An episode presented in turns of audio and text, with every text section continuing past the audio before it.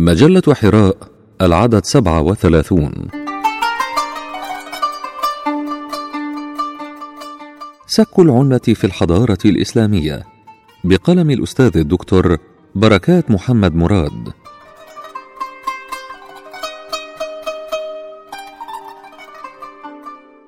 تعد النقود الإسلامية من أهم المصادر وأدقها في إعادة كتابة التاريخ.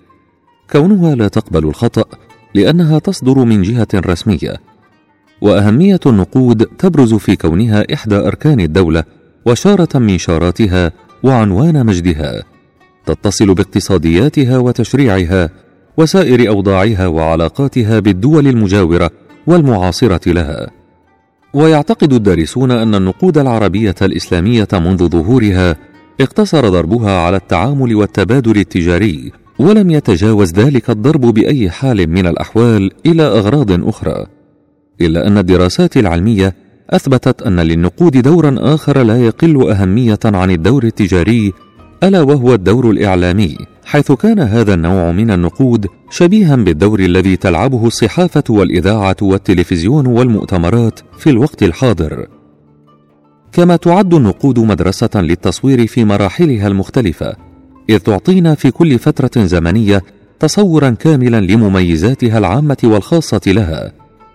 وتعد النقود أيضا مدرسة للخط العربي وتطوره وأنواعه المختلفة ومدرسة لدراسة العناصر الزخرفية بأشكالها المختلفة الهندسية والفلكية والنباتية والحيوانية والآدمية.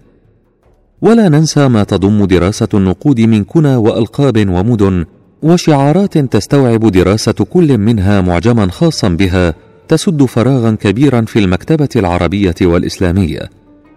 الدينار الإسلامي.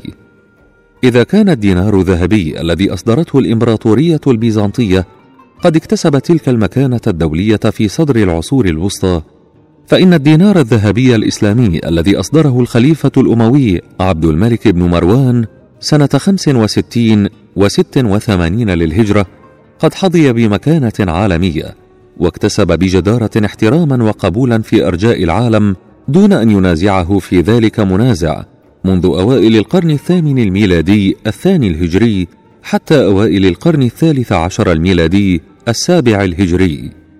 إن إلقاء بعض الضوء على قصة عالمية الدينار الإسلامي يشكل موضوعا مهما وممتعا. كان سك الخليفة عبد الملك للنقود الإسلامية الدينار الذهبي والدرهم الفضي من أهم أحداث التاريخ الإسلامي نظرا لما ترتب عليه من نتائج بالغة الأهمية اقتصادية وسياسية محلية وعالمية. بل يمكن القول إن هذا الإنجاز كان اذانا بانقلاب جذري في النظم المالية والاقتصادية التي كانت سائدة في عالم العصور الوسطى.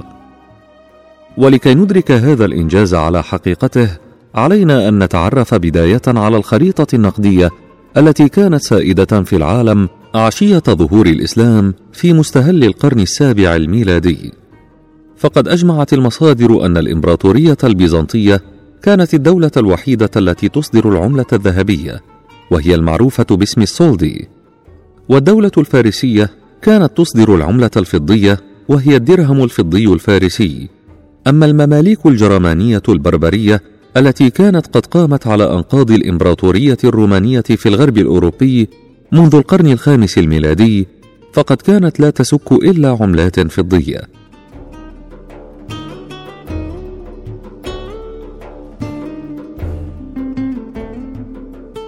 وقد استخدم عرب الجزيرة في تجارتهم مع الشام وفارس واليمن قبل الإسلام بشكل رئيسي الدينار البيزنطي والدرهم الفارسي. ولم يكن أمام الدولة الإسلامية الناشئة خيار سوى استخدام النقود المتداولة من بيزنطية وفارسية خدمة لشؤونها المالية والاقتصادية وحرصا منها على مصالح الناس عامة ولا سيما أن الهم الأول للمسلمين في تلك المرحلة كان نجاح الدعوة الإسلامية وتثبيت أركان الدولة ونشر الإسلام في الجزيرة وخارجها. ولهذا فإن سك نقد جديد لم يكن مطلبا ملحا آنذاك كما أن الشروط اللازمة لنجاح مثل هذا المشروع لم تكن قد توفرت بعد. ولكن على الرغم من ذلك فقد حاول بعض الخلفاء والأمراء المسلمين قبل عبد الملك سك بعض النقود ولكنها جاءت في معظمها على طراز النقود الفارسية والبيزنطية ولم يتم تداولها رسميا. وعلى أي حال فقد شكلت هذه المحاولات إرهاصات أولية لظهور النقود الإسلامية. وقد أشار الكتاب المسلمون إلى علم النقود أو علم النميات نميسماتيك ولكن في نبذ عرضية أو فصول خاصة فيما عدا المقريزي الذي خصص كتيبا أسماه شذور العقود في ذكر النقود وأطلقوا على النقود الإسلامية لفظ السكة. ولما استخلف أبو بكر الصديق رضي الله عنه عمل بسنة النبي صلى الله عليه وسلم في إقرار التعامل بتلك النقود ذات الصور الآدمية والشارات غير الإسلامية ولم يغير منها شيئا. ولكن ما لبث المسلمون في عهد عمر بن الخطاب رضي الله عنه أن أصبحوا سادة فارس وما بين النهرين والشام ومصر فأبقوا على نقود كانت مألوفة لديهم. ثم ضرب عمر بن الخطاب رضي الله عنه بعض الدراهم على نقش الكسروية وشكلها وغير في بعضها الحمد لله وفي بعضها لا إله إلا الله. وكذلك فعل عثمان بن عفان ومعاوية بن أبي سفيان رضي الله عنهما. تعريب السكة الإسلامية. وتؤكد لنا النقود ما جاء في المصادر التاريخية أن الخليفة الأموي عبد الملك بن مروان عام خمسة وستين وسبعة وستين هجري كان أول من عرب السكة الإسلامية تعريبا كاملا حين بدأ بتعريب الدواوين حيث وجد أن من ضرورات الاستقرار السياسي والاقتصادي إضفاء الطابع الإسلامي على جميع الميادين الإدارية والمالية. ويقف كذلك وراء قرار عبد الملك بتعريب العملة جملة من الأسباب ولكن السبب المباشر هو ما عرف تاريخيا باسم مشكلة القراطيس أي ورق البردي. وخلاصتها أن مصانع البردي في مصر اعتادت أن تبعث بهذا الورق إلى بيزنطية. وقد كتبت عليها بسملة التثليث الأب والابن والروح القدس باللغة اليونانية. واستمر هذا التقليد قائما بعد فتح مصر على يد المسلمين. ولا سيما أن أصحاب هذه المصانع كانوا اقباطا وقدر الله أن يتنبه عبد الملك إلى هذا الأمر فطلب من عامله على مصر بأن يلغي هذا التقليد وأن يكتب على البرد قل هو الله أحد وعندما علم الإمبراطور البيزنطي جوستنيان الثاني في عام 711 للميلاد بذلك استشاط غضبا وبعث إلى الخليفة أكثر من مرة يطلب منه سحب قراره. وعندما أدرك الإمبراطور أن عبد الملك صمم على موقفه هدده بأن يصدر دنانير تحمل نقشا مهينا للإسلام والمسلمين. فاستشار الخليفة أصحابه واتخذ في ضوء ذلك قراره التاريخي بسك الدينار الذهبي الإسلامي وتحريم تداول الدنانير البيزنطية تحريما كاملا. وبذلك انتزع من جوستنيان الورقة التي كان يهدد بها. ولقد أزال عبد الملك عن النقود الإسلامية رسوم الأباطرة البيزنطيين والشارات المسيحية من الدنانير.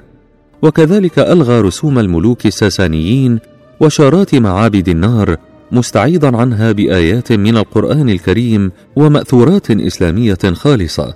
بل نجد على الوجه الثاني للعملة تاريخ الضرب واسم المدينة.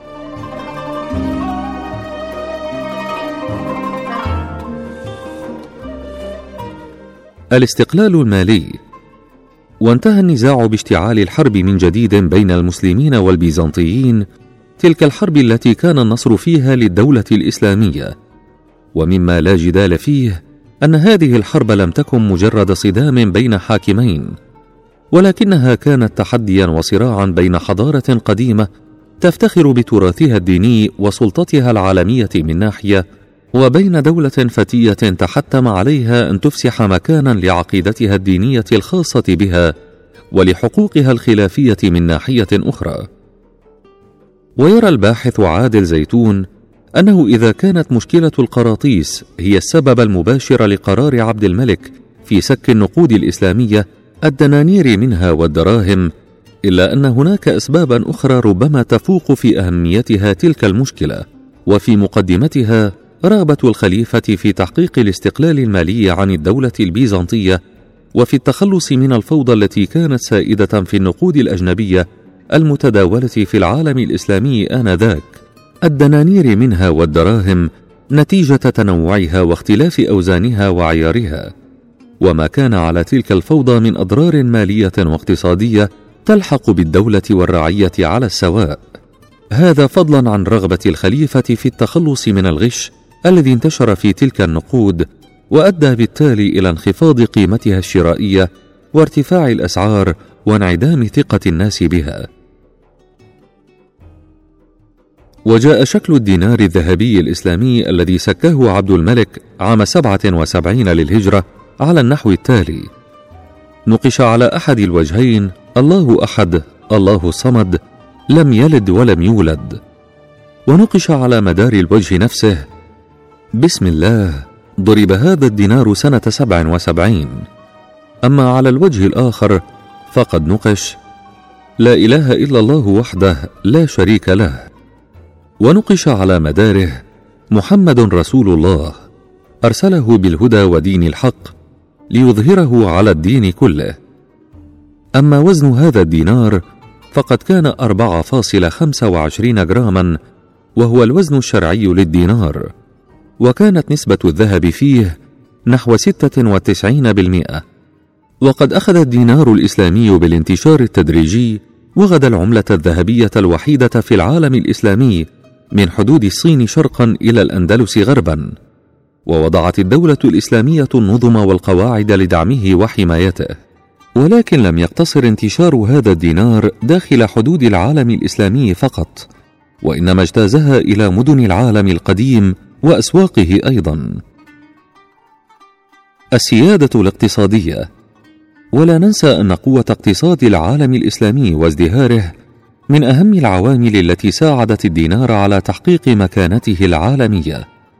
فقد أصبح للمسلمين جميعا في العصور الوسطى سيادة اقتصادية على الشرق والغرب فثرواتهم الزراعية منها والصناعية وما تميزت به من تنوع وجودة وسمعة عالمية جعل التجار المسلمين يمسكون بأيديهم معظم التجارة الدولية آنذاك. فقد غدت الطرق التجارية الكبرى البرية منها والبحرية بأيديهم أو تحت إمرتهم.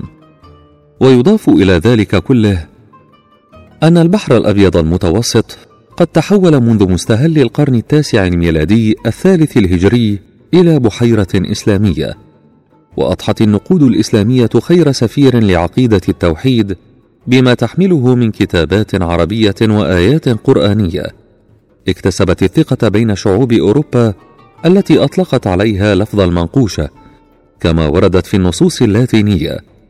بل إن بعض ملوك إنجلترا وهو الملك أوفا لم يقبل شعبه غير النقود التي ضربها تقليدا للنقود العربية المنقوشة.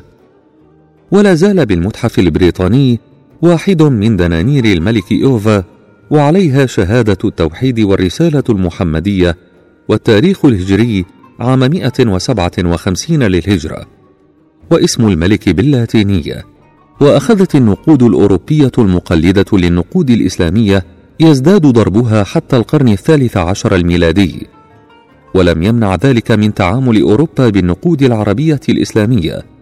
وقد استعارت أوروبا في تعاملاتها التجارية كلمة سكة لتصبح في الفرنسية سيجيوم وفي الإيطالية زيكا.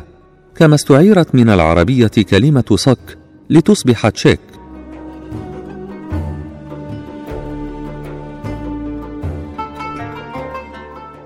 الخط العربي والزخرفة. ومن ناحية أخرى فإن أثر الخط العربي والكتابات العربية المنقوشة على النقود الإسلامية كان له تأثيره على النقود الأوروبية. وهو موضوع قد حظي بكثير من عناية الباحثين الأوروبيين. وقد أفادت صناعة العملة وصكها من تقدم فنون الزخرفة الإسلامية فقد تميز فن العملات الإسلامية بالمزج بين الخط والتجريد وقد حافظ التيار الرئيسي للعملة الإسلامية على نهج القرن الرابع الهجري الذي يعرض عن الصور باستثناء قطع قليلة تأثرت بمصدر غير إسلامي. إن إلقاء نظرة عابرة على الدنانير الأموية والعباسية يترك انطباعا بأنه لم يطرأ أي تغيير على شكل الدينار الإسلامي لمدة تناهز قرنا من الزمان. لكن في أوائل القرن الثالث الهجري التاسع الميلادي ظهر طراز جديد من العملة العباسية فيه ميل متزايد إلى النقش الزخرفي. واستمر هذا الاتجاه حتى أصدر الفاطميون طرازا جديدا من النقود يختلف عن الطراز الذي استعملوه عن الأغالبة ويتميز الطراز الفاطمي برقة خطه وأناقته وبروز النقوش الدائرية. وقد أدى الاستقرار الذي تمتعت به العملة الفاطمية إلى تقليدها ليس فقط من قبل الأيوبيين بل ومن قبل بعض الدويلات المعاصرة مثل الصليبيين والسلاجقة. الجدير بالذكر أن النقود الذهبية بعد التعريب لم يسمح الخليفة الأموي بضربها في غير مصر وسوريا حصر إنتاج الدنانير العربية في دار السك بدمشق والفسطاط. وأصبح من الصعب في نقود العصر الأموي التمييز بين تلك الدنانير السورية أو المصرية بعد أن وحد بينهما المظهر العربي العام الذي حدده إصلاح عبد الملك للنقود وخاصة في الكتابة العربية المنقوشة. وإذا كان من الصعب علينا التمييز بين النقود الذهبية التي ضربت في مصر وبين تلك التي ضربت في سوريا في العصر الأموي فإن الأمر لم يكن كذلك بالنسبة للنقود من الفلوس التي كان يسجل عليها اسم الوالي أو عامل الخراج الذي ضرب النقد على يديه وتحت إشرافه كما يحمل اسم مكان السك أحيانا. ولذلك يمكن اعتبار هذا الفلس نقطة التحول إلى الفلوس العربية. فقد ظهرت بعد ذلك سلسلة من النقود البرونزية في مصر الأموية بوجه خاص كشفت عنها حفائر الفسطاط وتزدان بها مجموعة متحف الفن الإسلامي وتحمل هذه النقود أسماء الولاة وعمال الخراج الذين تولوا أعمالهم في مصر.